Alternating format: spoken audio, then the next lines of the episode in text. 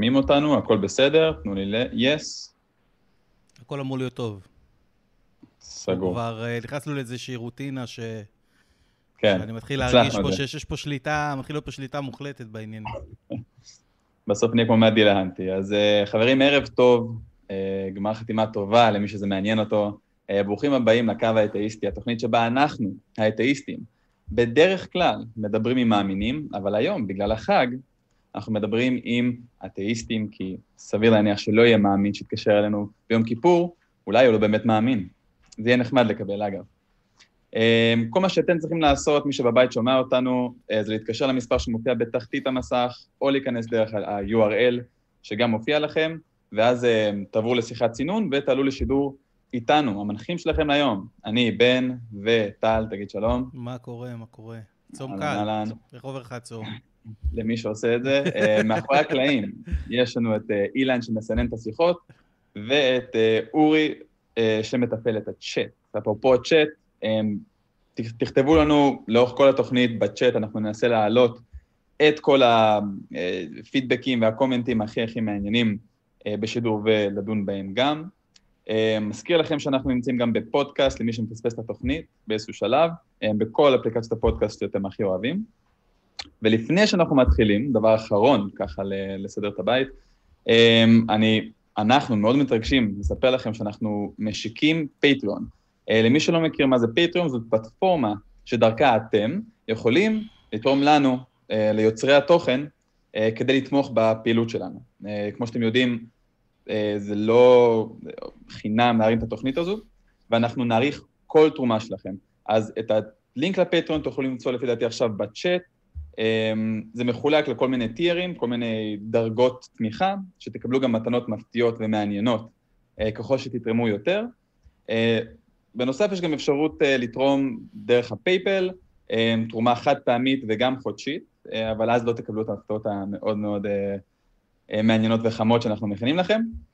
אה, וזהו, אנחנו ממש ממש נשמח לכל תמיכה, כל סכום עוזר לנו, אה, ואנחנו רוצים להמשיך את התוכנית הזאת כמה שיותר. אז הוצאנו את זה אה, אחרי שעכשיו אתם יודעים את זה, ובואו נתחיל את התוכנית. אני רוצה להתחיל קודם כל עם, עם סליחה, אם כבר אנחנו ביום כיפור. חשבתי זה המון. טל, אתה רגיל לראות אותי פה יחסית רגוע, כן, מבין ארבעת המנחים, אני יחסית chill, נקרא כן, לזה. ב- ב vibe, אבל זה קל לי עם אנשים שאני לא מכיר. אמ, ואני יוצא לי עם אנשים שאני, שהם קרובים אליי, וזה קצת, זה מובן פסיכולוגית, אמ, לדבר בצורה טיפה יותר תקיפה. אה, ואני בטוח שהעלבתי אנשים שקרובים אליי בחיים האלה, ואולי פגעתי בהם בצורה שבה העברתי את, את, את המהות, את מה שאמרתי. ולכן אני ממש מעוניין לבקש סליחה מכל בן אדם שאי פעם דיברתי איתו על הנושא הזה, וזה נושא רגיש עבורו, ועשיתי את זה בצורה טיפה תוקפנית או אגרסיבית או שפגע בו. אז דבר ראשון, אני רוצה לבקש סליחה, לא מאלוהים, ממכם, מבני אדם, מאנשים שאני אה, פגעתי בהם. אה, וזהו, מה איתך, טל? אני רוצה... ראיתי אתמול אה, סרטון של אה, ניל די גרייס טייסון, האסטרופיזיקאי, והוא אמר משפט שמאוד התחברתי אליו, ובאמת גרם לי להתרגש. הוא אמר, be ashamed to die before you have scored a victory for the human race. ואני באמת מרגיש ככה. אני ארגיש ממש מבואס אם אני, אתה יודע, על ערש דווי לפני שאני אמות, ואני ארגיש שלא עשיתי שום דבר בשביל לקדם את המין האנושי הלאה ולהפחית סבל בחברה, שזה אחת המטרות ששמתי לעצמי. אז תכלס אני רוצה לבקש סליחה מהמין האנושי, שהייתי יכול לעשות יותר בשביל להפחית סבל בחברה, ולא עשיתי מספיק. זה אנחנו הסליחה מקווים שלי. שה... שהתוכנית הזו היא, היא, הדרך לכיוון הזה. אה, בסוף בדיוק, נשיג את המטרה הזאת. כן, זה אחת הסיבות שאני הצטרפתי לתוכנית הזאת, ו- ועזרתי בעצם להקים את המיזם הזה.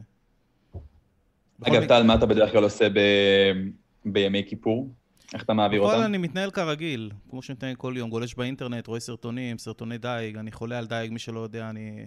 דייג? דייג, אני מכור לדייג, יש לי חכות באלפי שקלים. אה, אני רואה סרטונים של יפנים, מנסה לתרגם אותם ל- ל- לאנגלית, כל מיני קשקושים כאלה. אה, מתנהג כרגיל, שום דבר מיוחד. יפה. אבל זה מעיד. אה, אתה יודע, זה כאילו מעיד על הכוח של הדת עדיין בחיים שלנו, זה מטורף. כי אני מחר בבוקר חשבתי ללכת לדוג, ווואלה, אני מפחד ללכת לדוג. למרות שזה חוקי לגמרי. אני מפחד שיזרקו עליי אבנים, שיצעקו עליי כופר, כל מיני שטויות כאלה. ואני fuck, fuck it, למה אני צריך להיות, לחיות בחברה שאני צריך לפחד לחיות בה ולהרגיש חופשי, שהזכויות הבסיסיות שלי כאזרח, החופש הבסיסי שלי להתנייד במרחב הציבורי, אני מרגיש שהם לא, לא באמת שלי עד הסוף. אה, ואני רוצה לשנות את זה. וזה אחת הסיבות שאני פה.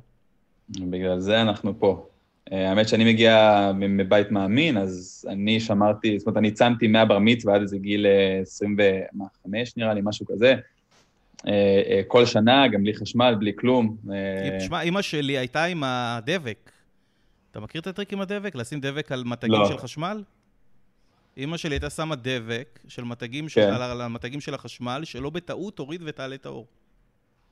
מה שמצחיק שהיא התנהגה כחילונית מוחלטת כל החיים שלה, אבל עדיין הייתה עושה את הדבר הזה, ואוי ואבוי אם מישהו היה לוחץ או מנסה להוריד את הנייר או את הדבק או משהו כזה. אני עד היום... אגב, למה נראה לך, למה נראה לך שיום כיפור זה... יש עדיין אנשים שמנסים למצוא סיבות כן לעצום, הם לא מאמינים באלוהים, אמ, אבל יש להם איזשהו משהו פנימי כזה שאומר, טוב, אני אנצל את היום הזה, וגם אני עצום. שמע, וגם שי... אני לא...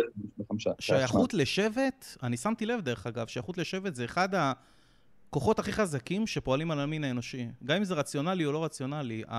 כנראה יש לנו גנים שעזרו לנו להתפתח בסבנות של אפריקה. ש, ש, שזה מאוד, כדי להרגיש כחלק משבט, היית ממש מחכה התנהגויות מהסביבה. זה משהו מאוד מאוד מהותי, זה, זה כוח מאוד חזק בחיים שלנו. אה, וזה לדעתי הסיבה העיקרית, זאת אומרת, העתקת התנהגות והתחושה השבטית שעזרה לאיכות של השבט, לחיזוק של השבט, וכל מה שקשור לערבות הדדית גם, שעזרה לבני אדם לשרוד אה, בחברה שבטית, שהייתה, שהייתה לפחות בסבנות של אפריקה, ששם בעצם התחלנו להתפתח. אני מסכים איתך, וחלק מאוד מאוד uh, מעניין במה שאמרת עכשיו, זה העובדה שכיום, בסביבה שלי ושלך, אין אף אחד שמפעיל עלינו לחץ ישיר לעשות את זה. אבל התחושה הנורמטיבית הזו, שיש איזשהו קולקטיב, איזשהו חוק ששייך לכולנו, שרלוונטי גם אליי בימים האלה, זה מה שגורם להרבה אנשים עדיין אה, לעשות את אותם דברים כמו לצום בכיפור, או ברית מילה, אה, כל אותם דברים שמאוד מאוד קשה להתנתק מהם. לגמרי, לגמרי. אה, אז עדיין, לנו... עדיין יש קונצנזוסים בחברה ש...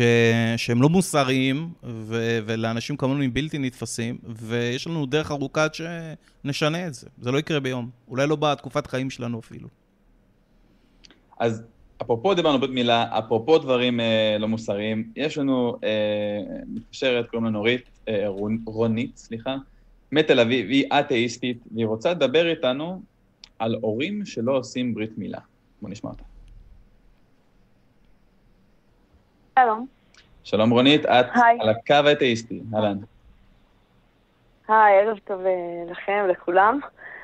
וכן, אני, אה, כן, שמי רונית, תמיר, ואני אתאיסטית, אבל אה, אני גם אה, פעילה אה, בתמיכה בהורים שלא עושים ברית מילה לילדים שלהם. וזהו, רציתי לספר לכם על זה קצת. יאללה, אה, דברי איתנו. יאללה, אז ככה, אז אה, לפני קצת יותר מ-20 שנה, אז הקמתי ביחד עם עוד כמה חברים לדרך משהו שהוא היה כמו דף קשר להורים שלא עושים ברית מילה לילדים שלהם. אז כמו שאפשר לנחש, זה היה די נדיר אז, בשנת 2000, זה היה די נדיר, וחיפשנו ומצאנו אה, כ-40 משפחות בארץ שלא מעלו את הילדים שלהם. וואו. יכול להיות שיש יותר, אבל זה היה בערך סדר הגודל. והתחלנו אה, לקיים מפגשים במטרה, אה, כן, לתמוך ברעיון הזה, וגם היו בהם הורים שחששו שהילד, אה, היו אז ילדים שהיו ממש תינוקות, וחששו שהילד ממש אה, יחווה כל מיני, יחווה בעיות חברתיות או בעיות אחרות. ואחרי uh, כמה זמן ראינו שאין בעיות לילדים, ויש יותר בעיות לאנשים שהם בהיריון, uh, והם רוצים uh, תמיכה בשביל ההחלטה האם לעשות ברית מילה או לא לעשות ברית מילה. ושינינו קצת את אופי המפגשים שלנו, ומאז uh, שנת 2002 ועד היום, מתקיים כל uh, חודש מפגש של הורים שקוראים לו מפגש היכרות עם קהל, קהל זה שם הקבוצה שלנו, ותמיד הורים מתלבטים, נפגשים בו עם הורים אה, ותיקים, שלא מעלו את הילדים שלהם, לכזה סשן של שאלות ותשובות. וכמו שציינת אתה, אתאיסטים, גם אתאיסטים מעלים את הילדים שלהם, משום שזה קשור להרבה תחומים רגשיים, ואנו, אז... ההורים הוותיקים, משתדלים לתת מענה.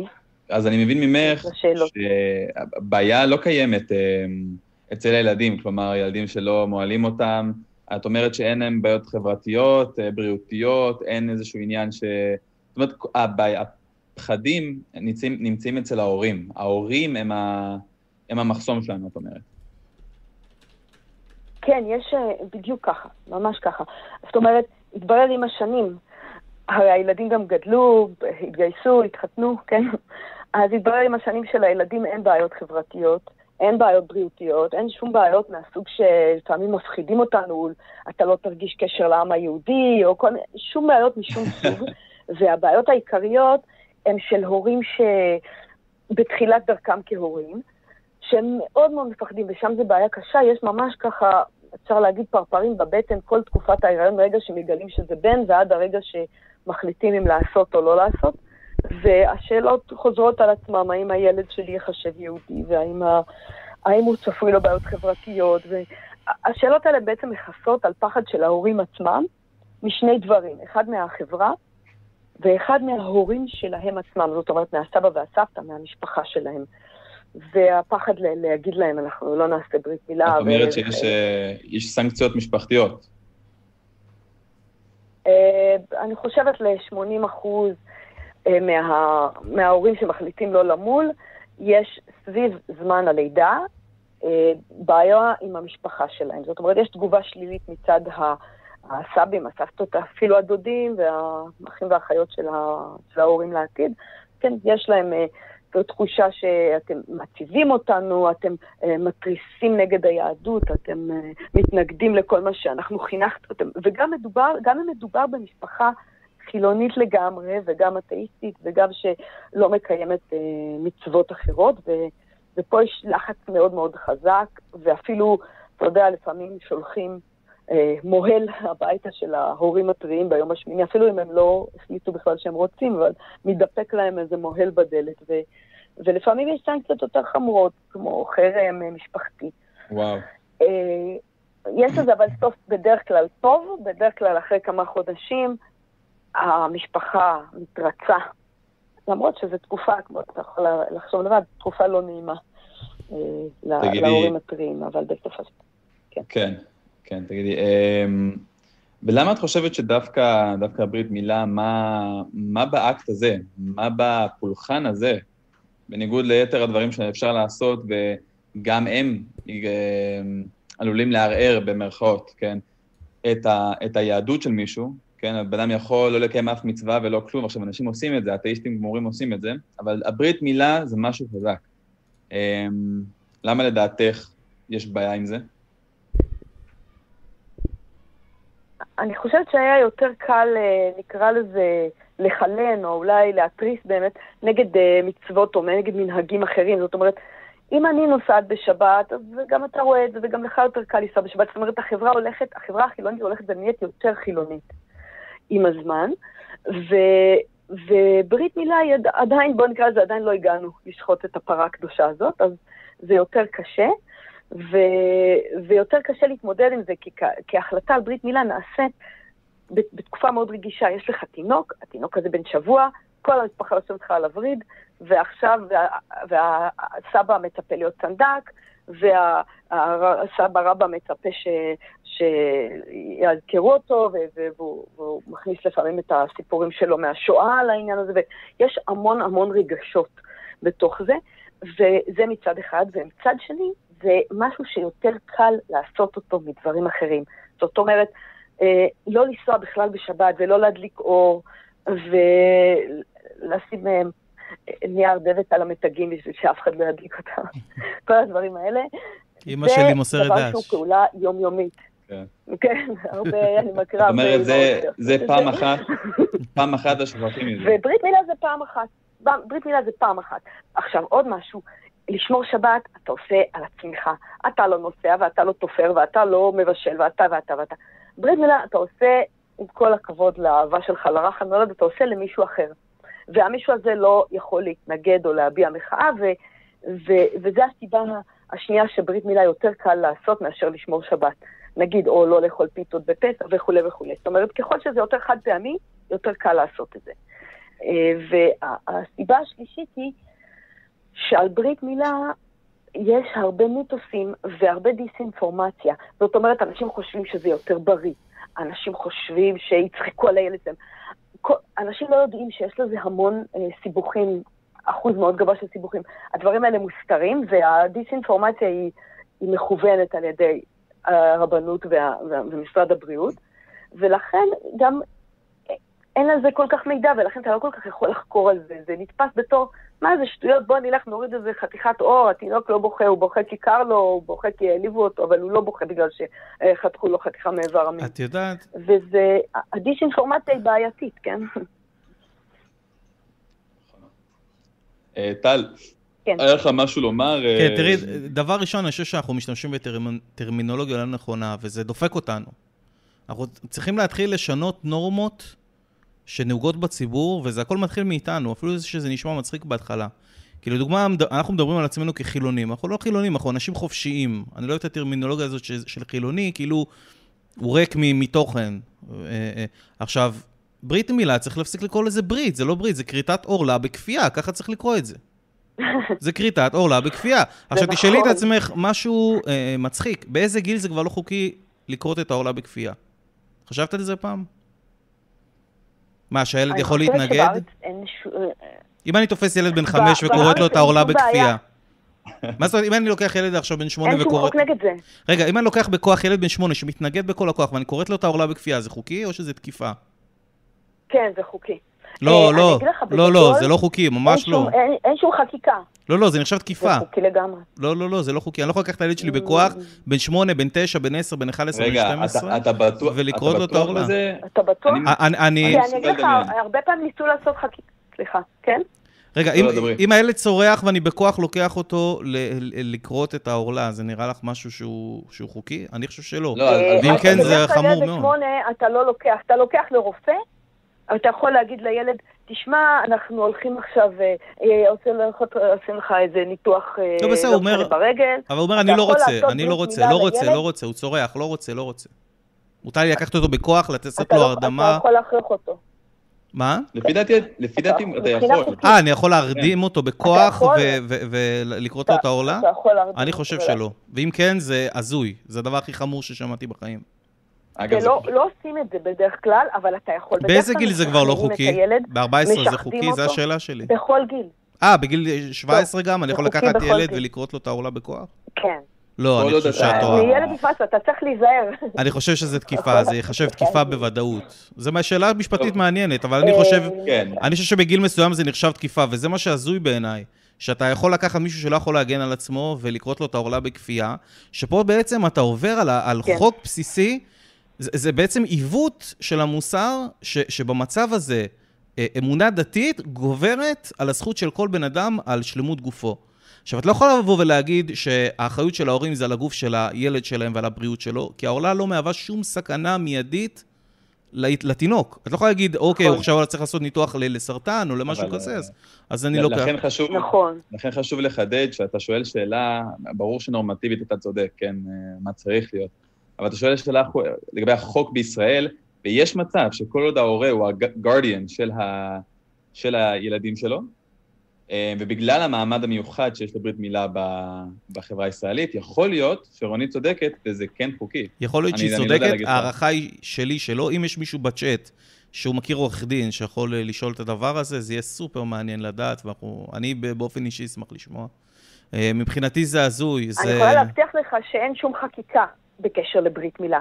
והאין חקיקה הזאת זה בכוונה כדי להשאיר את כל העניין הזה פרוץ לא, לא, ומתחת לרדאר אני חולק עלייך, אני חושב שהיה איזה מישהו... חקיקה. אני חושב שהיה איזשהו מישהו שטבע את ההורים שלו.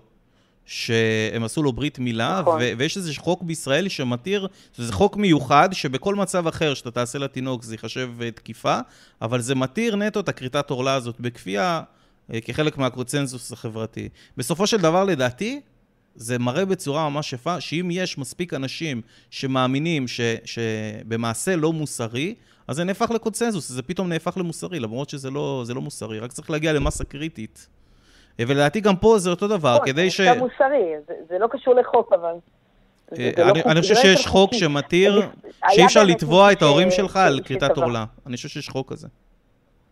אני לא, לא אומר לך אני בוודאות. לא בטוחה, אני, אני מכירה את התביעה, אני מכירה את התביעה הזאת, התביעה שאתה מדבר עליה היא מלפני כ-25, אולי קצת יותר שנה. מי שתבע זה מישהו שקראו לו אה, שמעון אלמקור, אה, זכרו לברכה, והוא תבע את ההורים שלו. כמובן זה היה מין סוג של תביעה, אה, תביעת ראווה, כן? כן. הוא לא בדיוק כן, תביעה שההורים כן. שלו, לא בטוח זה שההורים שלו אקטיביסטי, אפילו חיו כן. אז, כן? והוא היה אקטיביסטי, והתביעה נדחתה, עד כמה שאני זוכרת, נדחתה לסף כביכול בגלל איזה עניין טכני או משהו כזה, השופ- השופטים לא ממש רצו לדון בזה.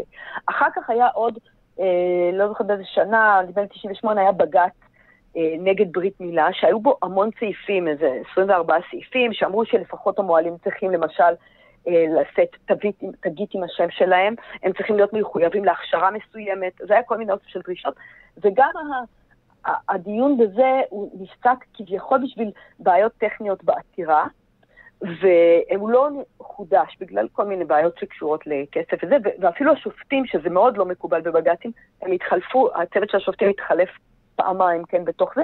בסופו של דבר נדחה כביכול סעיף טכני על זה שיש יותר מדי סעיפים בעתירה או משהו כזה. זאת אומרת, אני אישית חושבת שהליכה לפי החוק, וגם היו עוד ניסיונות של חברי כנסת לעשות לפחות שמוהלים יצטרכו הכשרה מסוימת, שיהיה רישום על פשלות, יש המון פשלות, ואין כזה דבר. יש במקום תראי, זה עלי תאנה, אני אה, חושב בדמות שעיקר ועדה ה... בין-משרדית.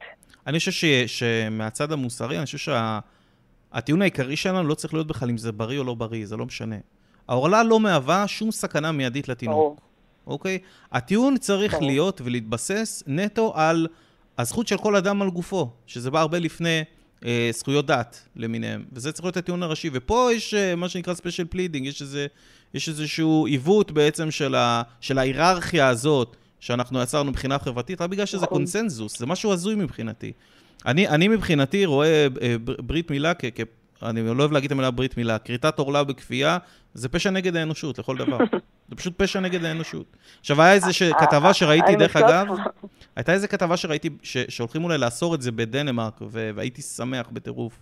ואולי אה, זה יתחיל משם. בסופו של דבר, מה שיכריע לדעתי זה פשוט אה, להגיע לרמה של מסה קריטית. ברגע שתהיה מסה קריטית של אנשים שלא כורתים את העורלה, כבר, אה, אני חושב שהגלגל הזה יתהפך. כי, כי זה מה ש... כן, זה מה שרונית מנסה לעשות. לגמרי, וזה מצוין, זה זה מדהים, ש... באמת. כן, אני מנסה לעשות את זה. אני אני רוצה להגיד לך אנקדוטה מסוימת לגבי שאתה קורא לזה במקום ברית מילה, אה, כריתת עורלה בכפייה. אז פעם הייתה עמותה שקראו לה אה, העמותה נגד חיתוכים באיברי מין של תינוקות. אני לא הייתי חברה בעמותה הזאת, אבל רציתי לעזור להם. זה היה לפני המון שנים. אז התקשרתי, שאלתי מה אתם רוצים עזרה, והם אמרו לי, קיבלנו עכשיו קו טלפון של בזק במתנה, ואנחנו רוצים שתעבירי אותו מהשם של הבן אדם שתרם לנו. שיהיה כתוב שם העמותה נגד חיתוכים באיברי מין של תינוקות. טוב, שלחתי פקס לבזק, ושלחתי עוד פעם, שלחתי, וכל פעם כמה ימים התקשרתי לראות אם זה כבר השתנה, וכאילו לבקש מהמודיעין את הטלפון. וזה לא קרה, בסופו של דבר אחרי כמה פעמים הם העבירו את זה, ואני התקשרתי ל-144 וביקשתי את הטלפון של אה, העמותה נגד אה, חיתוכים באיברי מין של תינוקות, ובאמת אה, המוקדן נתן לי את זה, את הטלפון, והוא לא אמר לי, מוקדן, שאני לא מכירה אותו, כן, אמר לי, מה זאת אומרת חיתוכים באיברי מין של תינוקות? מי זה חותך איברי מין של תינוקות? אז אמרתי לו, ברית מילה, הכוונה היא ברית מילה, אז הוא אמר לי, את לא חושבת שאת מגזימה? זה מדהים, זה מדהים. יש איזה עיוורון חברתי סביב הדבר הזה. זה מדהים, זה, לא... זה מראה שאפשר פשוט זה מראה הכל. להעביר מתחת לרדאר מעשים כל כך לא מוסריים רק בגלל שהם נמצאים בקונצנזוס. זה דבר מבהיל האמת. אה, נכון, בגלל שיש להם. שם יפה, כמו להכניס אותו בבריתו של אברהם כן, אבינו, כן, או- זה מטורף. זה... וכולי. בוא, נגיד דבר כזה, נכון. אם לא היית שומעת בחיים על כריתת עורלה בכפייה, או גם אדם דתי בחיים לא היה שומע על זה, נניח וזה אפילו לא נמצא בארסנל שלו, והוא היה מגיע למקום והיה רואה שכורתים לתינוק את העורלה בכפייה, הוא פשוט היה רץ לעזור לו, מזיק משטרה. כמעט כל הבן אדם אה, סביר נכון. ומוסרי היה עושה את זה. אה, ופתאום פה, זה, וואלה, זה בסדר, כי, כי יש איזשהו אלי שאמר. וזה דרך אגב, לדעתי יש מתחבר, איזשהו קונצנזוס שזה מותר. זה מה שמתחבר ל- לכל מה שאנחנו מדברים עליו פה הרבה פעמים עם אנשים מאמינים, שהאם משהו מוסרי, כי יש טיעון מוסרי כדי להצדיק אותו, האם, או האם משהו מוסרי כי אל מסוים אמר את זה. וזה מה שאנחנו מנסים להעלות פה המון בתוכניות שלנו. אה, ולגרום להם בעצם להבין שמשהו הוא לא בהכרח מוסרי כי אל אמר אותו, אלא כי יש הצדקה רציונלית וטיעונים רציונליים כדי להצדיק את המעשה הזה. כן, טוב, זה מאוד חשוב, הקו, הקו הזה. אני, אני אמשיך אה, לעקוב אחריו ולשמוע את הדיונים המעניינים גם עם דתיים בימי חול. אה, זהו, אני רק רוצה ל, ל, לסכם בנקודה שהיא כן חשובה לי.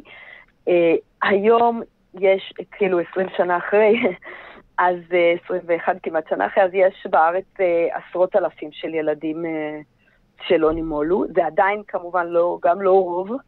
וגם לא אה, אחוז גדול במיוחד, זה אחוזים בודדים, אבל, וזה גם לא נרשם, אז אני לא יכולה לתת בדיוק מספרים, אבל אני רואה את כמות הפניות לקהל, ואני רואה את כמות ההורים שמכירים כבר הורים אחרים שלא עשו, ואני רואה, מדברת לפעמים עם גננות, עם אחיות טיפת חלב, עם רופאים במיון, ואני רואה שהתופעה הזאת נהייתה הרבה יותר אה, רווחת.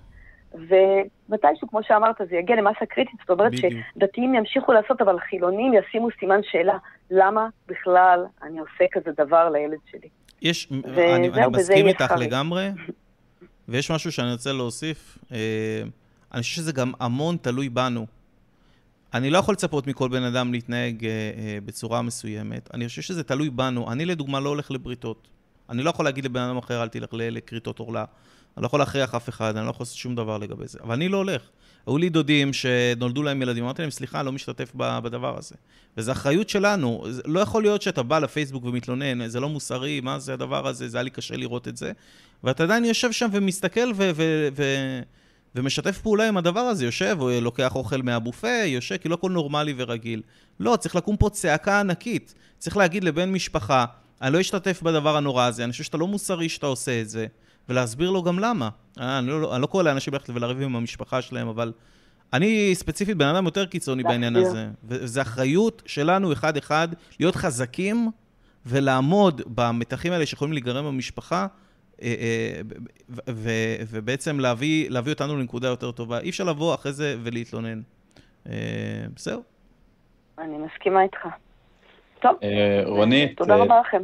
תודה רבה על השיתוף אה, של, ה, אה, של מה שאת עושה, זה סופר חשוב, ואני שמח לדעת ש, שיש אנשים כמוך ושיש כל כך הרבה ילדים אה, שלא אה, כרתו להם חלקים לא, מאיבר כן. המין. אה, תודה רבה, רונית. אז- ביי, רונית, תודה. תודה רבה לכם. שמחתי תודה רבה, לדבר איתכם. להתראות, ביי. ביי. שבוע טוב.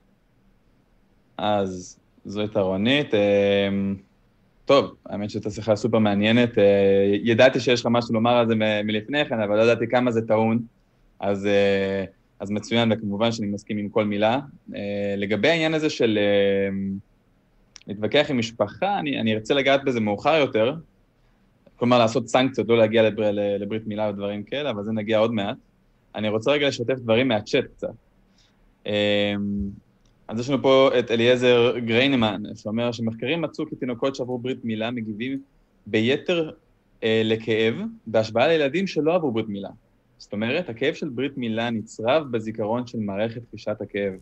מהמם. אה, מאוד הגיוני, סך הכל מערכת שמלמדת את עצמה בהתאם לסביבה החיצונית, אה, ואם היא מצפה לקבל אה, אה, כאבים כאלה והיא יודעת שמגע כזה גרם לכל כך הרבה כאב ובעיות למערכת, היא תהיה יותר רגישה בעתיד, מיליון אחוז. אה, טריליאן כותב, כותבת, מי שרוצה לעצב את גופו כרצונו, בבריאות. אבל אין לאיש זכות לעצב את גופו של אדם אחר, גם אם הוא הביא אותו לעולם. אה, שחר כותב, זו התעללות בחסר ישע, בדיוק מה שאתה אמרת, טל. אה, איתנוס כותב, מסכנים המוסלמים, אה, שהם כורתים חלקם שבטים בגיל 13, באפריקה. לא? מה, בגיל הם יותר עושים ברית מאוחר. מילה בגיל... לא, הם גם לא, יש גם כאלה שכורתים את ה... את הדגדגן גם. את הדגדגן של Mm-hmm. הנשים, כן? אמ, קייט כותבת, איך אפשר להסתדר בלי יוטיוב בכיפור? זה עינוי, היא צודקת, ולכן אנחנו פה. לגמרי. אה, יש אחרת משהו... הייתם אולי בטעות סמים. כן, לגמרי. יש משהו שאני אוסיף, ולדעתי אולי הדבר האחרון לגבי הדבר הזה. אה, אני מציע לכולם להריץ אה, דוקטור יגאל בן נון או יגאל בן נון ביוטיוב. יש לו הרצאות סופר מרתקות, זה, חוסר, זה חוקר מקרא, ובכלל תרבות יהודית מאוד מאוד מוערך. אני ראיתי אה, מחקר שלו שהוא עשה לגבי כריתת עורלה, ואתה יודע מה הממצאים שלו היו? אה, שכורתים את העורלה כדי ששד לא יאכל אותך במדבר. זה הסיבה. והרבה גם שבטים מקדמת אסיה היו עושים את זה. מתברר שהיה איזשהו שד, שהיית מסתובב במדבר, זה היה דבר מאוד מפחיד להסתובב בלילה פעם במדבר, כדי שהשד לא יאכל אותך ויטרוף אותך, אם אתה כורת את העורלה, אז הוא לא יכול לבלוע אותך עד הסוף, הוא חייב שיהיה עורלה כדי לבלוע אותך עד הסוף. אז אתה אומר שברית מילה, כריתת עורלה, זה לפני היהדות בכלל? כן, כן, לגמרי. כדי למנוע... יש גם, למנוע אה. כן, גם המצרים היו כורתים עורלה. אתה יכול לראות, אה, אפשר להריץ בגוגל ולראות אה, ממש תמונות של, אתה יודע, פפירוסים וכל מיני מצבות, כן. שאתה רואה מצרים גם לפני הירוגליפים. 4,000 שנה כורתים עורלה. זה היה משהו שמאוד נהוג בקדמת אסיה, ועיקר הסיבה הייתה כדי ששד לא יאכל אותך במדבר, כמה שזה מפתיע. מרתק וטוב, מעניין. פרויד היה מאוד אה, נהנה לשמוע שזה דווקא העורלה. לא תגיד התנוך. לא תגיד איזה, אתה יודע. האור הזה פה, המדלדל. לא, העורלה. פרויד היה מת על זה. אה, יש תרבויות, דרך אגב, שכריתת איברים, אה, אצלם, אה, לדוגמה, שבט הדנים מפפואה ניו גיני, אה, כורת אצבעות, כל פעם שמת לך מישהו במשפחה, אתה צריך לכרות אצבע. הם ממש מסתובבים שם בלי אצבעות, תבין איזה דבר מטורף זה, זה כאילו בשביל לרצות את הרוחות או להביע איזשהו אבל. וכריתת איברים היה, היה בכל העולם, היה משהו שהוא, שהוא מאוד נפוץ. אנחנו לא, לא חידשנו בשום דבר, רק, אנחנו, עם לא לבדו ישכון, מה שנקרא. אנחנו העתקנו בעצם מעמים מסביב, והם העתיקו מאיתנו, לא היינו, לא חיינו בבועה. כן, אני גם שמעתי שזו טרנספורמציה בעצם של אה, הקרבת אה, צורות חיים. אתה יודע, פעם היו מקריבים אה, כבשים ופרות ודברים כאלה, מהמם. והיו גם שבטים שהיו מקריבים אה, בני אדם, וזה סוג של מיתון של התופעה הזו, בואו נוריד אצבע. אז ככה, או עורלה. מהמם. ככה אנחנו מקריבים בקטנה. בואו נעלה את המתקשר הבא שלנו. הכינוי שלו זה בלופרינט.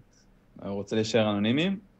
הוא אתאיסט סלאש אגנוסט, והנושא שהוא רוצה לדבר איתנו עליו זה התוויות של אתאיזם ואגנוסטיות, וכל זה בהקשר של השיחה משבוע שעבר עם משה. אז בואו נעלה אותו. אה, בלו, ברוך הבא לקו האתאיסטי. תודה רבה. אגב, אני לא אתאיסט אגנוסט, אני אתאיסט בלי אגנוסט, לפחות בכל אה, הנוגע לאלים שידועים לי. כמובן שאני לא יכול להיות אתאיסט בנוגע לאלים שאני לא מכיר. אוקיי, אז בוא, תסביר לנו. הסיבה שאני מתקשר היא בגלל המתקשר בשבוע שעבר בשם משה, ששאל על אתאיסט לעומת אגנוסט, מה זה אומר, מה זה אומר, ומה שאילן אז הסביר לו, לדעתי, שם אותו בעמדה לא טובה, לעומת העמדה שהייתה לו לפני שהוא התקשר. אז שבו בוא רגע תסביר חשב לי, ב- כן, תגיד לנו מה הוא חשב ומה. אילן אמר. הוא חשב שאתאיסט זה מי שמאמין שאלוהים לא קיים, משתמש באלוהים ולא באלים בכלל כקהל יהודי, ואגנוסט הוא מי שלא מאמין שכן ולא מאמין שלא קיים. מי אמר את זה? ומה שאילן הסביר לו אה. זה שהוא משתמש בזה אחרת, אתאיסט זה רק לא מאמין, והאגנוסטי זה מתאם על, ה... על האתאיסט, ובלאגן. תראה, מהידוע לי, מהידוע לי מה, מהשיחות שלי עם אילן, כמובן, אמ, הוא אוהב לפרק את זה לאמונה וידע. אה, גנוסטיות, אגנוסטיות כן. זה עניין של ידע, ותאיזם, אתאיזם זה עניין של אמונה. איפה זה נכנס כן, בהגדרה זה- שלך? זה לא נכנס. אני אומר, מה שאני רוצה להגיד זה שהפירוק הזה הוא, אמ, הוא לא טוב. הוא, לא, הוא למעשה לא משרת אה, אותנו. באופן, בהכללה גורפת. למה? אני אציג את זה ככה. אמ, בשביל מה יש לנו את התוויות האלו? תראה, כל תווית אנחנו צריכים אותה כדי uh, לתקשר ולהעביר רעיון מהראש שלי לראש של מישהו אחר, בגדול. כן, אז למה אנחנו מפרקים את זה לאתאיסט ותאיסט וכל אה, שם אחר שמישהו יכול להמציא? Um, חלק מזה אני משער לעצמי שזה עניין של um, להרגיש חלק ממשהו, זאת אומרת, uh, לכן אני קורא לזה, זאת אומרת, אין uh, אפיית השיניים, אין א-סנטה קלאוז, כן? יש אתאיזם.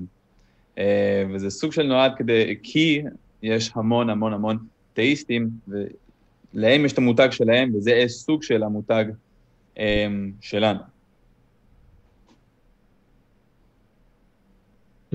זו השקפה מעניינת. אני חושב שאנחנו משתמשים בתוויות האלו כדי להסביר למה אנחנו מתכוונים. הסיבה שיש אתאיסט שהוא שונה מתאיסט הוא כדי להסביר שזה מתכוון לדבר אחד וזה מתכוון לדבר אחר, שיש אה, הבדלה ברורה ביניהם, שהם לא יכולים להיות בקבוצה חופפת כלשהי. ולפי ההגדרה של אילן, תאיסט ואתאיסט, אני, איך שאני מבין את זה, הם בקבוצות שונות לחלוטין, אתה לא יכול להיות חופף. כן, אבל מה אומר לנו, אה, לפני מה אומר לנו? קודם כל, על מה אנחנו מדברים? אז בדרך כלל כשמדובר בתאיזם, זה אמונה באיזשהו סוכן או ישות, בדרך כלל זה סוכן ממש, אה, על-טבעית, שמעורבת, ב... מתעניינת הישות אה, בחיים של, אה, של בני אדם, בדרך כלל. אני חושב שאפשר לוותר על מה הישות שאנחנו מאמינים שקיימת רוצה מאיתנו, כי התווית היא כללית יותר. זאת אומרת, קיים, קיימת אלוהות כלשהי, מבלי לנקוב בשמות או במאפיינים או משהו. יש איזושהי ישות שאנחנו קוראים לה אלוהים. זו הטענה של התאיסט. למה זה לא הטענה לנו... של, ה... של הדאיסט, אגב? זה, בראש שלי זה מתחבר יותר לדאיזם, שאומר יש, יש איזשהו אלוהים, אבל לא נוגע בנו, לא קשור אלינו, יש, קיים, לא מתערב. זו הבחנה חשובה, כי באמת, במה שמתרגמים בדרך כלל, תאיסט אומר אלוה, אלוהות מסוימת שכן מתעניינת, שזו הבדלה חשובה. אז יש לנו דאיסט, ויש לנו תאיסט, ויש לנו מה עוד? הדאיסט אומר, יש אלוהות, התאיסט אומר, יש אלוהות שחושבת עליי, או לפחות מתעניינת בי בצורה כלשהי. אילו עוד עמדות יש לנו בנוגע לאמונה אה, על קיום האלוהות? באופן, אה, על קיום האלוהות, נראה לי, אתה יודע, מפה זה רק נהיה יותר ויותר ספציפי. ואז יש את כל אה, תחום העמדות על אה, אי-קיום האלוהות. תראה, אני, אני בסופו של דבר... תחום עמדות על אי-קיום? בלו.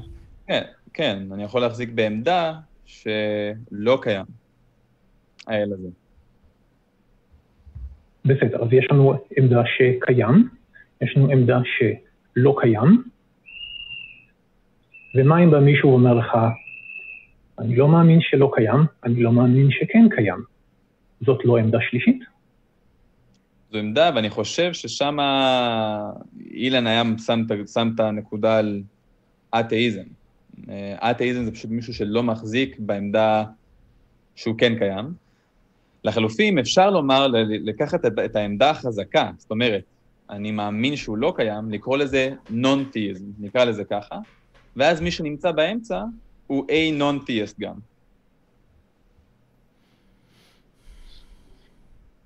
A non-theist? כן. זאת אומרת, לא מאמין שאין אלוהות? כן, לא מחזיק בעמדה שאין אלוהות. האם הוא בהכרח, פה, שם, לא. בסדר, אבל הנקודה החשובה היא שיש לנו לפחות שלוש עמדות בנוגע לקיום של אלוהות. נגיד אלוהות מסוימת, נגיד אה, יהווה התנ"כי. כן. אנחנו יכולים או להאמין שקיים, להאמין שלא קיים, או לא להאמין כך או כך. לא, לא. לגבי האמונה זה חייב להיות, זה בינארי, זה או כן או לא. לגבי הידיעה, אתה יכול לבוא ולומר, אני לא יודע, אני לא נוקט עמדה. בגלל זה אתה לא יכול, עשית פה איזשהו ערבוב לדעתי. אתה לא יכול לבוא ולהגיד, אה, אני לא מאמין ואני, ואני אה, לא כן מאמין. אז אתה חייב לקחת עמדה בנושא הזה. לגבי הידיעה, אתה יכול לבוא ולומר, אני לא יודע, לכאן או לכאן. השאלה של, של האמונה היא בינארית. אי אפשר לחמוק ממנה. אי אפשר לבוא ולהיות באמצע או ניטרלי, זה או שאתה מאמין או שאתה לא מאמין. לגבי ידיעה, אתה יכול לבוא ולהגיד, אני אה, אה, אגנוסטי, אני לא יודע לכאן או לכאן. לגבי אם הוא קיים או לא קיים, אני לא יודע. בסדר. מי שלא יודע על אה, קיום התנ"ך ולא נחשף לשום אה, איזשהו סיפור, או לא נחשף ליהדות ולרעיון האלוהות שמובא בתנ"ך בכלל, יכול להאמין שקיים או לא קיים האל התנ"כי? הוא, אני חושב שהוא יהיה, אלא אם כן הוא מאמין בזה, כן? הוא, הוא יהיה אתאיסט, כי הוא לא מחזיק בעמדה שקיים האל התנ"כי. רגע, אני לא הבנתי, מישהו שבחיים לא שמע על האל יהוא... אבל הוא לא יכול. מה אתה אומר, אה, בלו? לא יכול... אה, רגע, אתה מדבר... לא יכול לדעת. מן הסתם, אם מישהו אף פעם לא נחשף לאל הזה או לנרטיב הזה, אז מן הסתם הוא לא יכול לנקוט עמדה בכלל לגבי זה. זאת באמת שאלה מאוד מאוד היפותטית, אבל יש אה, מקומות בעולם שבהם אה, התנ"ך עדיין לא הגיע, ואנשים שם עדיין לא יודעים. האם הם יכולים להאמין שכן או להאמין שלא קיים הם לא יכולים, אי אפשר לנקוט עמדה לגבי נושא שאתה לא מודע לו. אתה חייב להיות מודע לנושא בשביל לנקוט עמדה כלשהי, אם, זה עמדה אמונית או עמדה בקשר לידיעה. אני לא יכול להתייחס למשהו ש, שאני לא בכלל מודע לקיום שלו. אגב, אני רוצה, אבל אני רוצה לשים פה איזה משהו, כי לגבי העמדה החיובית, האם הוא קיים, אני מסכים. אין שום, אין שום סיבה שמישהו שלא נחשף יכול בכלל להאמין בזה. זה לא, זה לא יהיה סביר שתתפתח אצלו העמדה הזו. לגבי אי האמונה, זאת אומרת... אבל האם... אם הוא אומר, אני מאמין שלא קיים, אני לא יודע אם הוא מחזיק בזה בצורה אה, אה, ש, שברורה לו, כן? אבל מבחינתו יכול להיות שהוא מאמין באלי העצים, ולכן הוא גם לא מאמין באף אחד מהאלים האחרים, הוא גם טוען, הם לא קיימים, כי אלי העצים הם היחידים שקיימים. בסדר, אבל האם מישהו שמעולם לא נחשף לתנ"ך, או בכלל, יכול להאמין שהאל התנ"כי לא קיים? זה, זה, זה, אני חושב שזה מה שאמרתי עכשיו. הוא לא בהכרח מודע לזה, כן? אבל אם נגיד הוא מאמין באל, לא האל התנ"כי, הוא מאמין באל העצים, והאל העצים הזה... האל התנ"כי. האל העצים הזה הוא... איך אפשר להאמין במשהו שאף פעם לא נחשפת אליו? לא, לא, לא, שנייה, שנייה. האל העצים הזה... בדיוק. לא, האל העצים הזה הוא אקסקלוסיב. בכתבים שלו, באמונות על האל העצים הזה, הוא מוציא את כל היתר. אז אולי לא בצורה מפורשת, אותו בן אדם, אותו מאמין לאל עצים, מאמין שלא קיים האל התנ"כי. אבל מבחינת, אה, ה, ה, נקרא לזה, מבנה הידע שלו, הוא בהכרח חושב שכל יתר האלים לא יכולים להיות. אבל הוא לא מודע לאל נכון, התנ"כי. נכון, אז, אז, אז הוא, לא, לא יכול, בזה. אז הוא לא יכול. הוא לא יכול להאמין שהאל התנ"כי לא קיים, כי האל התנ"כי לא נמצא בעולם המושגים שלו. נכון, אבל הוא כן יכול להאמין שאין אף ישות אחרת אפשרית אי פעם. ואז זה בצורה מפורשת מה שהוא מאמין, וזה כולל בתוכו את האל התנ"כי, אבל פשוט לא בצורה מפורשת. אבל אני, אני, מבין, אני מבין לאן אתה חותר, אני מבין את זה. אבל אתה מסכים איתי שהרגע גילינו עמדה רביעית. מה? בנוגע לקיום אלוהות. יכול להאמין שכן, יכול להאמין שלא, יכול לא לה... טוב, אתם תתווכחו על זה שאם יכול לא להאמין במודעות, אבל יכול להיות לא מודע לחלוטין, ואז בהכרח לא מאמין לא מודע שכן, לחלוטין, לא אבל מאמין- זה לא עמדה. מאמין שלא. לא, לא מודע, זה, זה לא עמדה בכלל. אני לא מבין כן, לאן אתה אני חותר. חושב אני חושב ש- שהשאלה של מאמין או לא מאמין זה בינארי נטו, יש רק שתי אופציות. או שאתה מאמין או שאתה לא. מאמין. לא, לא מודע, זה מסכים לא מודע. זה, זה כבר, אתה לא, נכנס. אני מסכים, אני מסכים עם טל ואני אגיד לך למה. כי פשוט צריך לפצל את זה לעמדות, לאמונות אה, חיוביות. זאת אומרת שטוענות משהו ולא טוענות אה, אה, אני לא. הכוונה היא כזאת, אני מאמין שקיים האל התנ"כי, אני מאמין שלא קיים האל התנ"כי. אלה שתי עמדות שונות שאתה יכול להיות בינארי בהן פשוט. או שאתה מאמין שהאל התנ"כי קיים, או שאתה לא בהכרח מאמין שהאל התנ"כי קיים. או שאתה מאמין שהוא לא רגע, קיים, רגע, או שאתה רגע, לא בהכרח מאמין שהוא לא קיים. התחלת, התחלת ממאמין שלא קיים והכנסת ללא מאמין שקיים. כי זה שמה הבינאריות של העמדה הזו. הטענה אבל, אבל החיובית של... תיארת שלוש עמדות. לא, לא, יש, יש כמה עמדות, אבל לכל עמדה יש שני פוזיציות שאתה יכול לקחת. אם העמדה היא, אני מאמין בקיומו של אלוהים, אז יש פוזיציה אחת. הוא מאמין בזה, טל מאמין שקיים אלוהים, או שהוא לא בהכרח מאמין שקיים אלוהים. אלה שתי הפוזיציות היחידות שאתה יכול לתפוס. יש את העמדה השנייה, שזה, אני מאמין שלא קיים אלוהים, והפוזיציה השנייה היא, אני לא בהכרח מאמין שלא קיים אלוהים. אני חושב שזה ה... לא, אני חושב שאתה מתבלבל. כן, אנחנו דנים בקיום של אלוהים. אלוהים כן. יכול להיות קיים, אלוהים יכול להיות לא קיים, נכון. ואדם יכול להיות לא החלטי בנוגע לקיום שלו. את- אתה פה השתמשת בשני וכמובן דברים יכול להיות שונים. לא מודע כן, לאפשרות הקיום שלו. השתמשת בכמה דברים שונים. בשתי טענות הראשונות שלך נכון. נתת, נתת אה, מידע על העולם. אמרת אלוהים יכול להיות קיים, יכול להיות לא קיים. בדבר השלישי, הפריט השלישי שאמרת, דיברת על האפיסטמולוגיה של בן אדם. אם אנחנו נשארים באפיסטמולוגיה, אז העמדה או האמונה צריכה להיות propositional, מה שנקרא A הוא B, זאת אומרת אלוהים הוא קיים. וכשעושים את זה ככה, יש עמדה אחת עם שני אה, קצוות. לא הבנתי את החלק האחרון, תסביר שוב בבקשה. כשאנחנו מדברים על אפיסטמולוגיה ועל עמדות של אנשים, אז הם בצורה של A הוא B. אני, אני מאמין שכלבים יכולים לעוף, אני מאמין שכל הפילים ורודים, אני מאמין שאלוהים קיים, כן? זו עמדה. עמדה אחרת, אני מאמין שהוא לא קיים. זו עוד עמדה. בפועל, במציאות, או שהוא קיים או שהוא לא קיים. נכון, ועל זה אנחנו מדברים, כן? אני חייב... אה, אני לא יודע, אולי אנחנו, אנחנו מדברים על האם הוא קיים או לא, או שאנחנו מדברים על ה- ה- הפוזיציה האפיסטמולוגית מדברים- שאנחנו יכולים לנקוט. אנחנו מדברים על טענה אחת, והיא אלוהים קיים. אז אני מאמין שאלוהים קיים, יכול- כן. אז לא, הט- הטענה, כן, הטענה מתבט- מתבטאת באמירה אמונה. יש אנשים שיגידו לך שהם יודעים, אבל שוב, עד שהם לא אה, כן, יציגו טיעונים טובים עבור זה, אה, אין מה להתווכח על זה. אדם אומר לך, אני מאמין שאלוהים קיים, הוא אומר לך, אני טוען, אלוהים קיים. נכון. עכשיו, אז האלוהים זה יכול להיות קיים, אבל יכול להיות שהוא גם לא קיים. אז נכון. אם אני מאמין שאלוהים לא קיים, זו עדיין אה, עמדה לגבי אותה טענה אחת. זו, אותה, זו, זו עמדה לגבי מצב עולם, או לגבי אותו מצב עולם, אבל זו עמדה אחרת. זו, אה, זו עמדה לגבי הטענה שאלוהים קיים. אחד אומר כן, השני אומר לא. זו עמדה לגבי קיומו של אלוהים, כן, אני מסכים, אתה- אני מבין מה אתה אומר. כן, בדיוק. אבל אני בדיוק. חושב ש...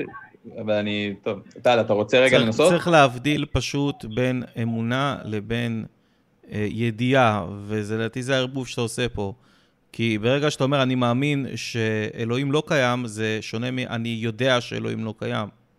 אה, ואתה לדעתי עושה פשוט ערבוב בין אמונה ל- לידיעה. ככה או ככה.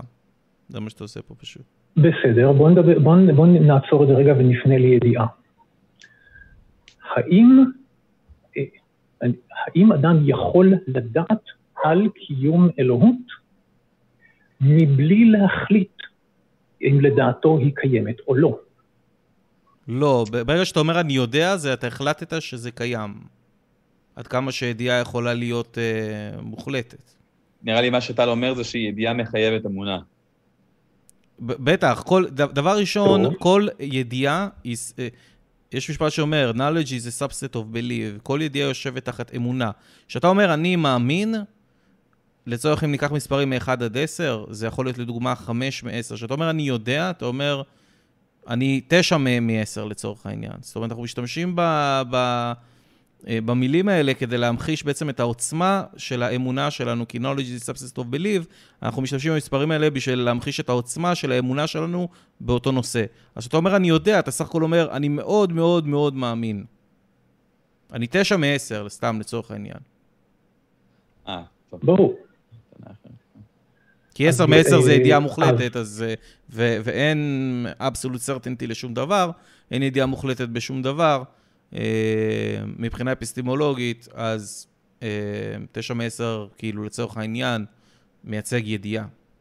אז בסופו של דבר, תשים ידיעה, אני מאמין ואני יודע, תשים אותם תחת אותו קבוצה, רק שלשתיהם יש רמות שונות, לצורך העניין. ככה משתמשים בשפה, במילים האלה.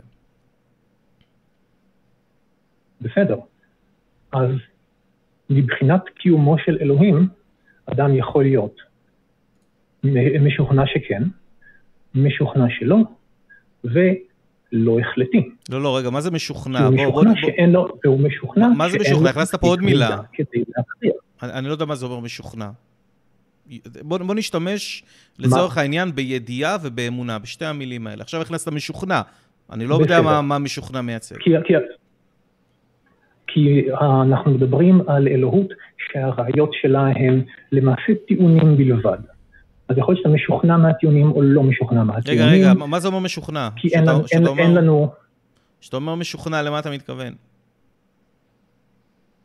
משוכנע, זה כשאתה מקבל את הטענה ומסכים איתה. אוקיי. אז? אבל, אבל אם אתה רוצה להגיד ידע, אפשר להגיד ידע. אז מי שאומר כן, אלוהים קיים, אומר אני יודע שאלוהים קיים. אוקיי. מי שאומר אני, יודע, אני מאמין שאלוהים לא קיים, אומר אני יודע שאלוהים לא קיים. לא, מי שאומר שאני מאמין של... ומי ש- לא, לא, ומי ש- לא, לא, לא, לא, אני עוצר אותך פה. אמרת מי שאומר שהוא מאמין שאלוהים לא קיים, אז הוא יודע שאלוהים לא קיים, וזה טעות. כי אמרנו שאמונה וידיעה, אנחנו שמים אותה... למה זו טעות? כי אם, אם אמרנו שאמונה, אנחנו מגדירים אותה לצורך העניין כחמש מעשר, וידיעה זה תשע מעשר, ואז אתה עשית השוואה ביניהם, שהם שווים ב, ב, בעוצמה של ההשתכנעות. והם לא שווים בעוצמה למה של ההשתכנעות. האמונה ש... של... למה מי שמאמין שכן שונה ממאמין שלא? לא, השאלה שצריכה להיות למה מי שמאמין שכן, אה, שונה ממי שאומר שהוא יודע שכן. רגע, חברים, אני רוצה לעצור רגע את הדיון, שנייה. אבל אמרנו שגם מי שמאמין שכן אומר שהוא יודע שכן. לא, ממש רגע, לא. ממש אני לא, רוצה לעצור ממש את לא. הדיון. רגע, אה. שנייה, בן, שנייה, רק, רק את הדבר הזה, ממש לא, לא הסכמנו עם זה. אנחנו אמרנו ש-knowledge is substance of belief, אז מי שאומר שהוא יודע, הוא ממש ממש ממש מאמין, זה פשוט דרגה יותר גבוהה מאמונה, לצורך העניין. ומי שאומר שמאמין שלא, הוא ממש ממש מאמין שלא. לא, לא, הוא פשוט, איך מה, זה שונה? זה שונה ידיע. חברים, אנחנו נכנסים פה לרקורסיות, ש... שאין דברים כאלה, וואלה, כי הדבר היחידי שמגביל אותנו זה ה-working memory שלנו. אז זה- בלו, רגע, בלו, אני רוצה, אני רוצה לתת לנו איזשהו נקודת יציאה פה. אה, נגיד או שבן אדם מאמין, מחזיק בעמדה שאלוהים קיים, בן אדם מחזיק בעמדה שאלוהים לא קיים, בן אדם נמצא באמצע, הוא לא בהכרח זה, הוא לא בהכרח זה. מה שבטוח, שהוא לא בהכרח מחזיק בעמדה שאלוהים קיים, וזה מה שאילן קרא לו אתאיזם. זה אבל הוא גם לא בטוח מחזיק בעמדה שאלוהים לא קיים. לגמרי, לגמרי, איתך, איתך. אני פשוט רוצה לסיים עם זה. אז אתה לא יכול לקרוא לו באותה, אתה לא יכול לשים עליו את אותה תווית, כמו שאומר, מי שאומר שאלוהים לא קיים. נכון. ולכן אולי אנחנו צריכים למצוא תוויות. אולי אנחנו צריכים למצוא תוויות של אתאיסט או בנון-תאיסט או משהו כזה, וזה היה עוזר לנו. אה, אבל אני מבין את מה, שאתה, את מה, ש, את מה שאמרת לנו. אה, אנחנו נעבור לשיחה הבאה, בלו. אה, היית נהדר, זה היה סופר מעניין. ואתה כמובן מוזמן להתקשר אלינו גם שבוע הבא. כן, אולי נמשיך לריב על זה בהזדמנות אחרת. בדיוק. תודה רבה, בלו. אני אמשיך להקשיב. רגע, אז אני אוריד אותך פה. בום. אוקיי, טוב, טל, מה דעתך? אמ, תראה לי... שמתי אותך on the spot. מה כן. דעתך על מה שעברנו עכשיו? תראה, צריך לעשות את זה, דבר ראשון, לכתוב את זה יהיה הרבה יותר קל. דבר שני, אני חושב שזה עניין של אה, בעצם מה, מה אנחנו מגדירים כאמונה, מה אנחנו מגדירים כידיעה, ואם אנחנו רוצים להכניס עוד מילים כדי לייצג משהו שנמצא באמצע. כשאני חושב על אמונה לצורך העניין, ושמשתמשים באמונה, אז אני חושב לדוגמה, אם אני אתן איזושהי המחשה, מישהו שהוא אה, אה, משוכנע אה, בנכונות של טענה מסוימת, וידיעה היא, היא דרגה יותר גבוהה מבחינתי. ידיעה מבחינתי זה ההשתכנעות הכי גבוהה שיכולה להיות. זה, אה, כמו שאמרנו, אין אבסולוט סרטנטי, אבל זו השתכנעות בעצם הכי, הכי גבוהה שיכולה להיות לבן אדם. אולי צריך למצוא עוד דרגות, דרגות ביניים, אני לא יודע. אני בן אדם פונקציונלי, אני, אני, אני פרגמטי, אני חושב שזה המון סמנטיקה. זה המון המון המון סמנטיקה. גם אני חושב שזה המון סמנטיקה. חי את חייו, הוא חי את חייו בצורה מסוימת. זו שאלה... בצורה שהוא או שהוא מאמין או שלא. לגמרי. אה, טוב, נעלה את המתקשר הבא. אה, לפני זה, בן. לפני שנעלה את המתקשר הבא, כן. לפני, אני רק רוצה להזכיר לכולם, חבר'ה, אני מזמין את כולכם. אה, להירשם פה לערוץ שלנו פה ביוטיוב, תעשו subscribe ותלחצו על הפעמון כדי שתוכלו לקבל את העדכונים. הכי חמים, זה גם עוזר לנו, ברגע שנהיה לנו יותר subscribers, המנוע של יוטיוב בעצם מפרסם אותנו יותר, ויהיה לנו יותר כניסות, וככה אה, נוכל בעצם להגדיל את ה... ולפתח את התוכנית הזאת. אז תירשמו, ואם אתם יכולים להביא גם חברים שיירשמו, זה גם יהיה מצוין. דבר שני, אני קורא לכולם להיכנס לפייסבוק, לקבוצה שלנו, הקו האתאיסטי, קבוצת הדיונים, גם זה סופר חשוב, להגדיל את הקהילה שם. אנחנו צריכים להיות קהילה גדולה, גדולה מאוד מאוד, כדי שישמעו אותנו. ככל שנהיה יותר גדולים, יותר ישמעו אותנו, נעשה יותר באז, וככה נוכל גם להביא אנשים יותר איכותיים שיתקשרו אלינו, גם דתיים, גם אתאיסטים, אה, כל מה שקשור לזה. אז סופר חשוב, חבר'ה, ותודה על כל, ה, כל העזרה שלכם והתמיכה שלכם. אני מהדהד את זה ומחזק את זה. יום יבוא ואנחנו נהיה בדפים מומלצים בצד לאנשים. זה יקרה בקרוב. ברחבי ישראל. לפי מה שאני רואה וכל ה... ובעצם הקומיטמנט של, של הצופים שלנו, לדעתי זה יקרה מהר מאוד. אז אנחנו עוברים לדבר עם אה, גבריאל, אה, שהוא אתאיסט, אה, והוא רוצה לדבר איתנו על איך לענות על טיעון העד. כלומר, היו מלא מלא עדים בסיפור יצאת מצרים, ספציפית על פסח ישעיהו. בואו נראה. גבריאל, אתה על הקו האתאיסטי, אהלן. שלום בן, שלום טל. מה קורה? מצוין, תודה. שומעים אותי טוב? מצוין. יפי. זה עיקרון, אה, כשאני שמעתי אה, לראשונה את אה, טיעון העד, אני... זה די נשמע לי טיעון חלש, אבל לא ידעתי איך לגשת אליו. מה הוא טיעון העד? אה, אוקיי. אז בעצם, לא הייתי קורא לו טיעון העד, בעצם דרך כלל דתיים מציגים את זה כ... אה, כאילו, איך אתה תסביר שיש לנו תורה אה, שלכאורה עברה אה, כמסורת, כ-oral tradition, דרך כל כך הרבה דורות, בלי ש... זאת אומרת, אי אפשר לבדות את זה, אי אפשר שמישהו באמצע בדע את התורה הזאת, נכון? כן. אז כאילו מסורת, סוג של...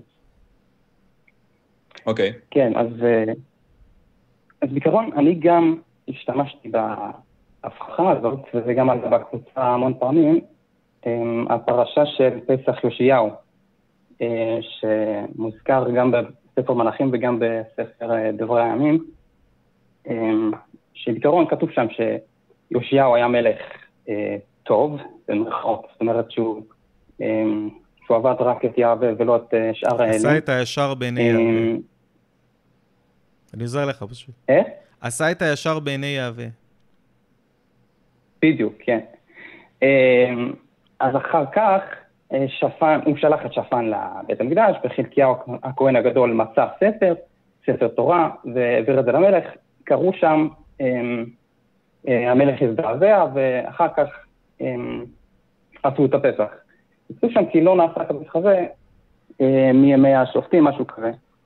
אז מן הסתם, כמשתמע מה כתוב, אה, באמת לא עשו פסח מימי יהושע, שזה כמה מאות שנים, שזה מראה על פער במסורת.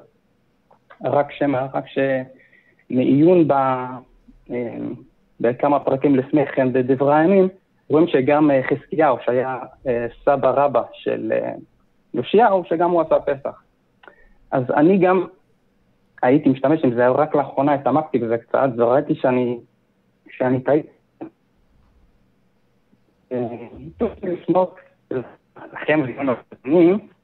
רגע, אה, גבריאל, אנחנו שמענו אותך כן. קצת מקוטע, אז תחזור רגע על ה-20 שניות האחרונות. אה, סליחה, אני לא יכול לצאת לרחוק, כי אני גר בשכונה דתית, אז אה, תסתכלו לי על זה. אתה אמיץ מאוד, אמיץ מאוד. איך? אתה אמיץ מאוד, גיבור, מה שנקרא. אה, תודה. אמ, כן, כן, לא תאמינו, אני בחור עם פאות עדיין, אגב. אה, אתה מה? אני עדיין עם פאות, יש לי פאות. אה, וואלה, מעניין, אוקיי. כן, כן. אמ, הם הולכים להיעלם בקרוב, אל תדאגו, לא משנה. אמ, אז בעיקרון אמרתי שאני הייתי משתמש גם עם הפסוקים האלה של אה, פסח יאשיהו, שמשתמע שלא עשו את הפסח לכמה מאות שנים, אמ, אבל אחר כך כשהסתמקתי בזה בימים האחרונים, הבנתי שזה, שפה ספציפית זה לא בדיוק מה שזה אומר, כי בהבנת הנקרא, משתמע שכן ידעו על הפסח לפני כן, כי הרי כתוב שחזקיהו המלך, שהוא היה לפני כן, גם עשה את הפסח. רק שמה שכדאי לגשת, כשבאים להפריך את הטיעון העד מתוך התנ"ך, הייתי אומר שכדאי לגשת, אל, שכדאי לגשת לזה מבחינה, בצורה כללית יותר של, אה, של הכתובים.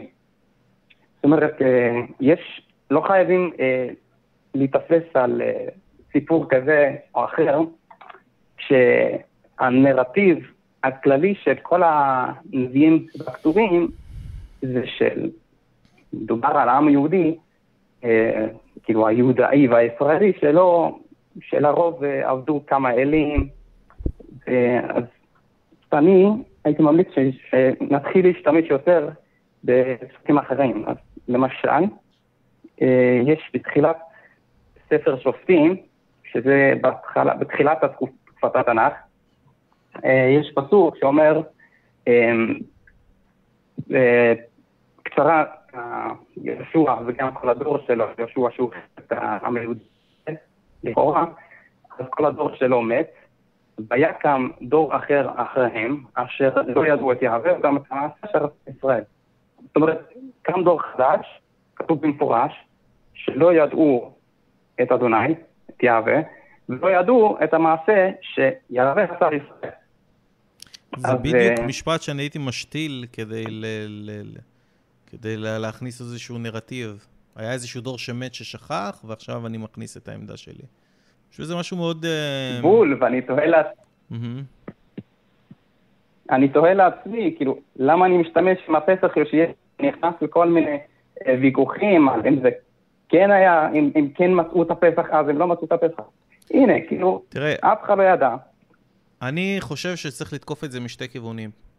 דבר ראשון, אתה יכול לתקוף mm-hmm. את זה מה, מהכיוון של מה המחקר של המקרא אומר אה, לגבי כל הדבר הזה, והדבר השני זה מבחינה לוגית. זאת אומרת שמדובר בקשר אה, לוגי קיצוני. יש פה שתי מישורים שאתה נכון. יכול בעצם להפריך את הטיעון הזה. עכשיו, דבר ראשון, אני ממליץ לך ללכת ולקרוא, אני לא יודע אם עשית את זה או לא, אבל לקרוא מה בעצם חוקרי המקרא, אה, ואחד מהם שאני ממליץ עליהם זה יגאל בן נון, ויש אחרים וטובים, ויש לו גם ספר מצוין שקראתי אותו, שנקרא קיצור תעודות יהווה. אה, מה הוא אומר? הוא בכלל טוען ששפן בן עצליהו, הוא עשה, אה, הוא, הוא בעצם המוח מאחורי כל הרפורמה הזאת. אה, הוא מקסימליסט בקטע הזה, יגאל בן נון. זאת אומרת, הדמיון שלו יחסית מאוד מפותח, אבל אפשר, הוא, הוא מגבה את זה בהרבה ראיות מאוד יפות. להגיד לך שזה משהו שהוא מוצק? לא.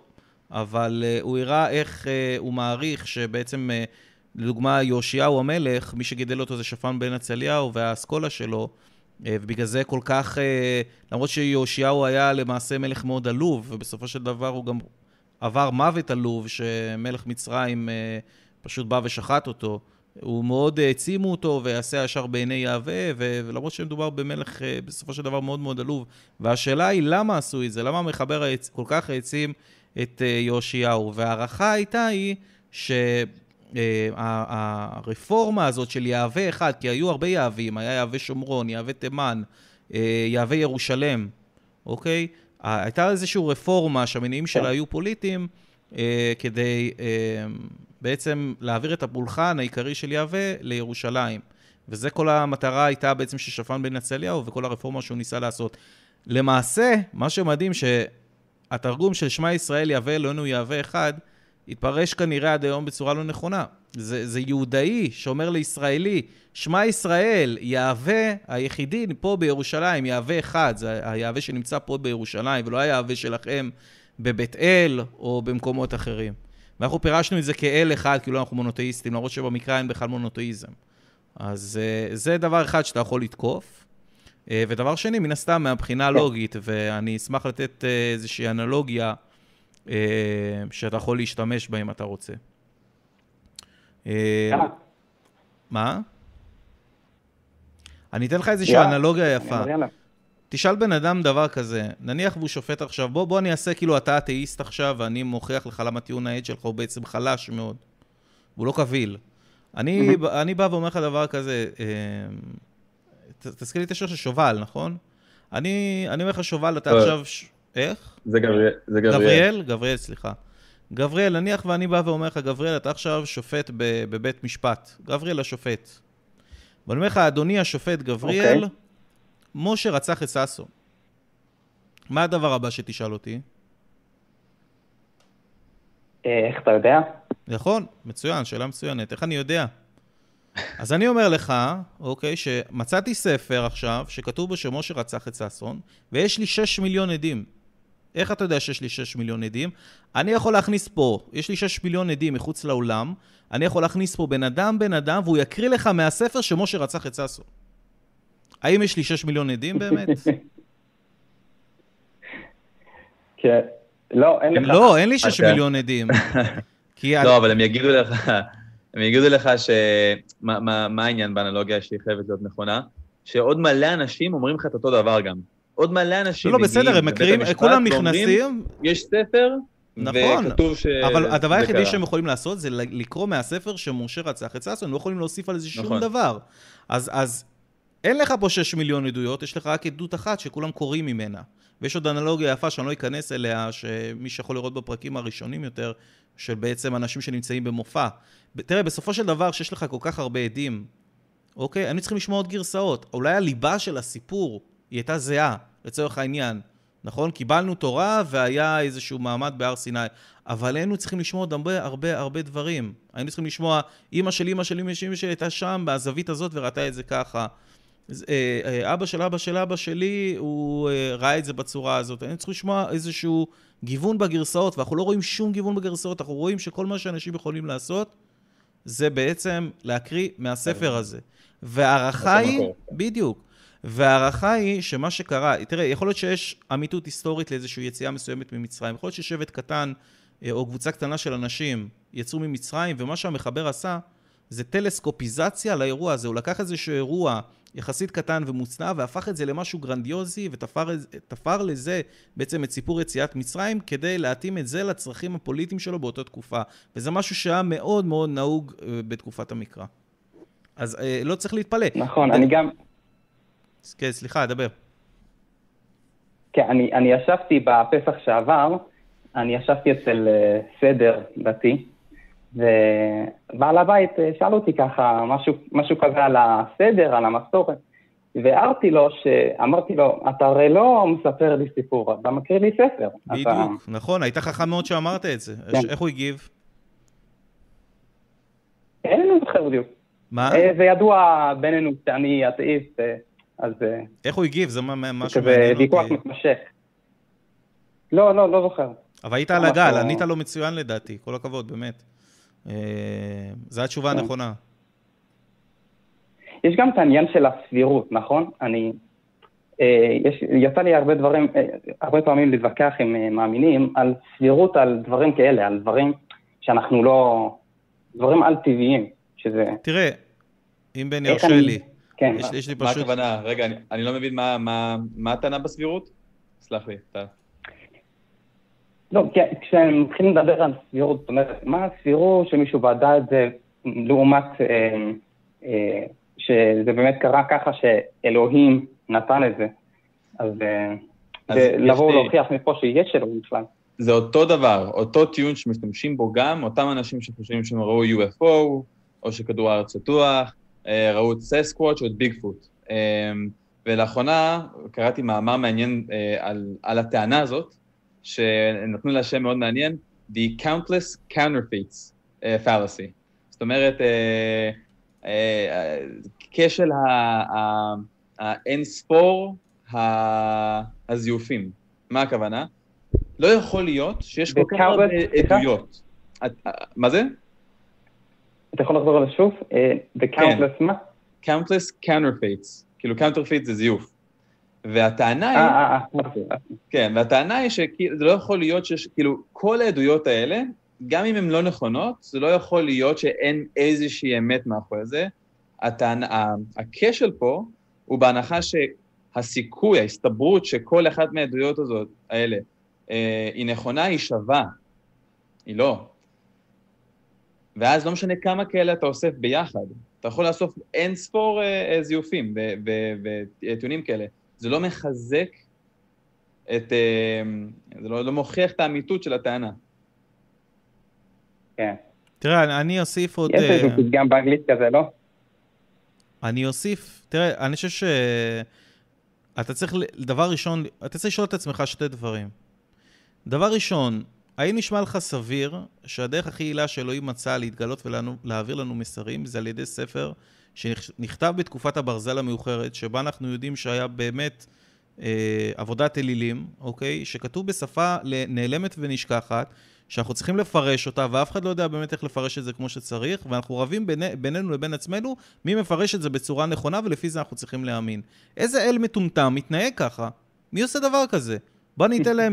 יש לו... למה הוא לא חיכה למדיה יותר מתקדמת? יש שם אינטרנט, טלוויזיה, מעבדות.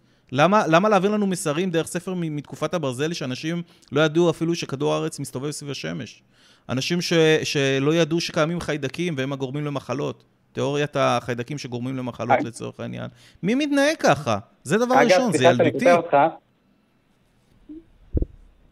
כן, שומע? סליחה, כן, כן, כן. אתה אומר שלא ידעו ש, שכדור הארץ מסתובב אה, סביב השמש, אז גם אנחנו בישיבה, ב, ב, במאה ה-21 לא ידענו את זה, אז, אה, אז זה לא... תשמע, אני, אני, זה נראה לי דרך ממש ילדותית להעביר מסרים. אני חושב שאם יש אל כל יכול, והוא באמת חכם, אה, והוא יודע הכל, הוא היה אמור למצוא דרך הרבה יותר יעילה כדי להעביר לנו את המסרים האלה, ולא היינו צריכים כל היום לשבת ולריב בינינו לבין עצמנו, אנחנו מפרשים את הפסוקים נכון או לא נכון, ואתה יכול לראות גם שכתוצאה מזה יש המון חצרות אה, גם ביהדות. גם היהדות נחלקת לאלפי תתי יהדויות, מה שנקרא, ואף אחד לא מסכים אחד עם השני על המון המון אה, דברים סופר חשובים. אה, מה, הוא נותן לנו אה, לשבת ולריב בינינו עצמ- ולנסות לנחש למה הוא התכוון? מי, מי מתנהג בצורה הזאת בכלל? זה ילדותי בעיניי כדבר ראשון.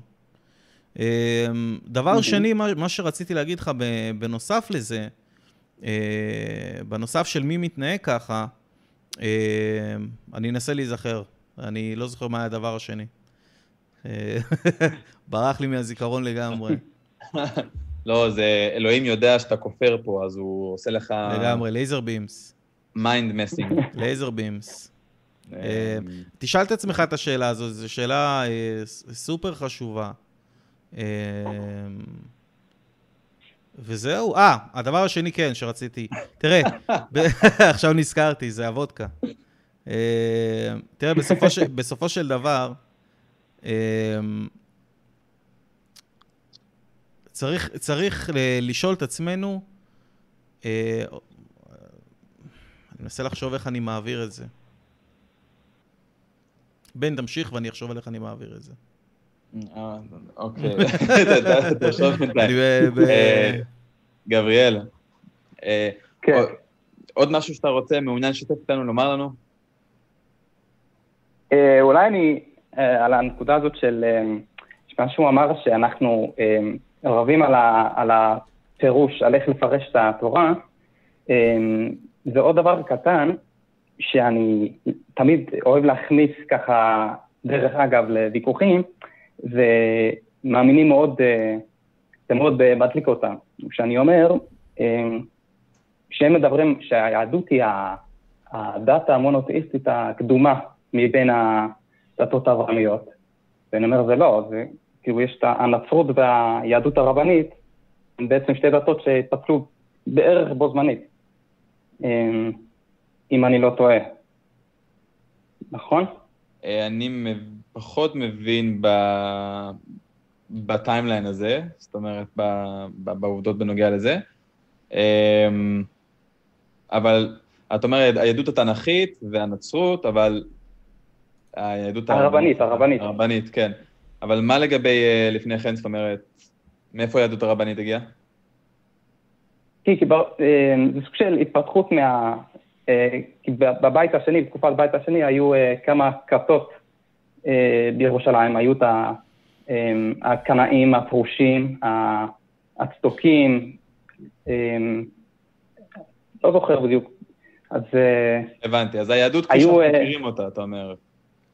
כן. כן, חג החנוכה, אגב, אמ, זה סוג של, אה, אתה יודע, שקר אמ, אמ, על כל המלחמת אחים בין הכתות, שסובבו את זה כאילו היה מלחמה אחת בין היהודים ליוונים, שבעצם היו שם, היה שם... אה, ברור. אה, פשוט מלחמת אחים בין הכתות השונות. נזכרתי בדבר השני שרציתי להגיד. תראה, אין לנו... תודה לך שחזרת אלינו, זהו, היה לי לג. היה לי פינג גבוה, מה שנקרא. קיצר, אה, תראה, אין לנו שום ראייה לקיום של ישות על-טבעית או למאורע על-טבעי, ראייה שהיא מאוששת. זה הכל תמיד סיפורים של סיפורים של סיפורים. זאת אומרת, אין לנו שום אה, ראייה כזאת, ואנשים רוצים אה, לבוא אליי ולהגיד לי, שמע, קרה פה איזשהו אירוע על-טבעי, יוצר היקום בא ועשה דברים. אני מצטער, אני לא מתכוון להאמין לטיעון כל כך גרנדיוזי עם ראיות כל כך חלשות. ראיות גם שהן לא קבילות מבחינה לוגית, וגם שהן חלשות. אתה צריך לה, לה, להגיד לעצמך, אם יש אלוהים שהוא כל יכול, והוא יודע כל דבר, והוא סופר חכם, הוא צריך לדעת מה הדרך לגרום לך להאמין. ומן הסתם, זה לא צריך להיות טיעונים כל כך אה, חלשים. אתה, אתה, אתה, בסופו כן. של דבר, אתה יכול לבוא לדעתי להגיד לו, אתה מאמין לאנשים שחטפו אותם חייזרים? אני שואל אותך, אתה מאמין לאנשים שחטפו אותם חייזרים? בדיוק. אה, לא. לא, ואתה מבין שהרבה יותר סביר להאמין שמישהו חטף אותו חייזר, מאשר שאלוהים התגלה. למה?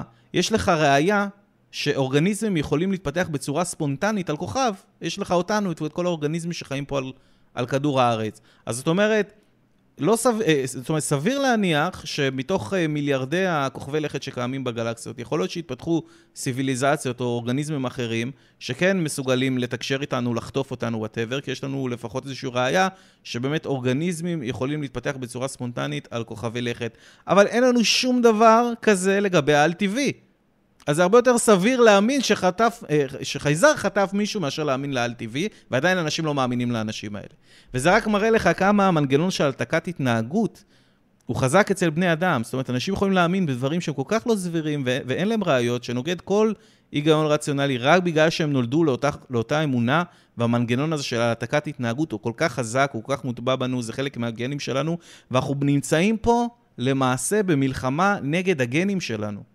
אנחנו במלחמה נגד הגנים שלנו, ממש ככה. הגנים שלנו אומרים לנו, תעתיק את ההתנהגות, תעתיק את ההתנהגות, תעתיק את ההתנהגות. ואתה יכול לראות שכמעט כל בן אדם בעולם שמאמין לדת מסוימת, מאמין לדת שאליה הוא נולד, ולא סתם זה קורה.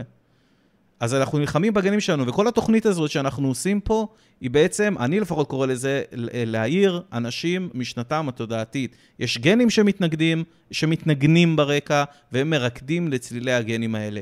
ואני רוצה למשוך אותם משם, אני רוצה להגיד רגע, רגע, תסתכלו בצורה אובייקטיבית, שימו לב איך אתם רוקדים לצלילי הגנים האלה, אה, אה, ובואו תנסו לחשוב על דברים בצורה אובייקטיבית ולהעיר אותם.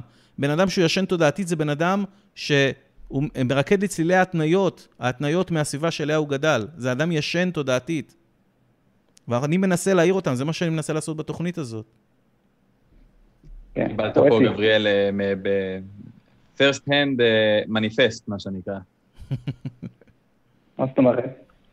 כי קיבלת מטל את התורה שלו עכשיו. אה. זהו. כן. אני, שנייה, אני רוצה להוסיף על זה. גם תוך כדי השיחה, אני מתחיל לחשוב ככה, שעצם עצם זה שאנחנו אתאיסטים, אה, זה גם סוג של נוגד את הטיעון העד, למה? כי אם אנחנו מקבלים טיעון העד, זה אומר שאלוהים רצה אה, שאנחנו, הוא רצה להודיע לנו שהוא קיים, אה, בבירור, כי בעצם טיעון העד אומר שאי אפשר היה, שהוא בא, הוא ירד לכדור הארץ לא, להוכיח לנו שהוא פה.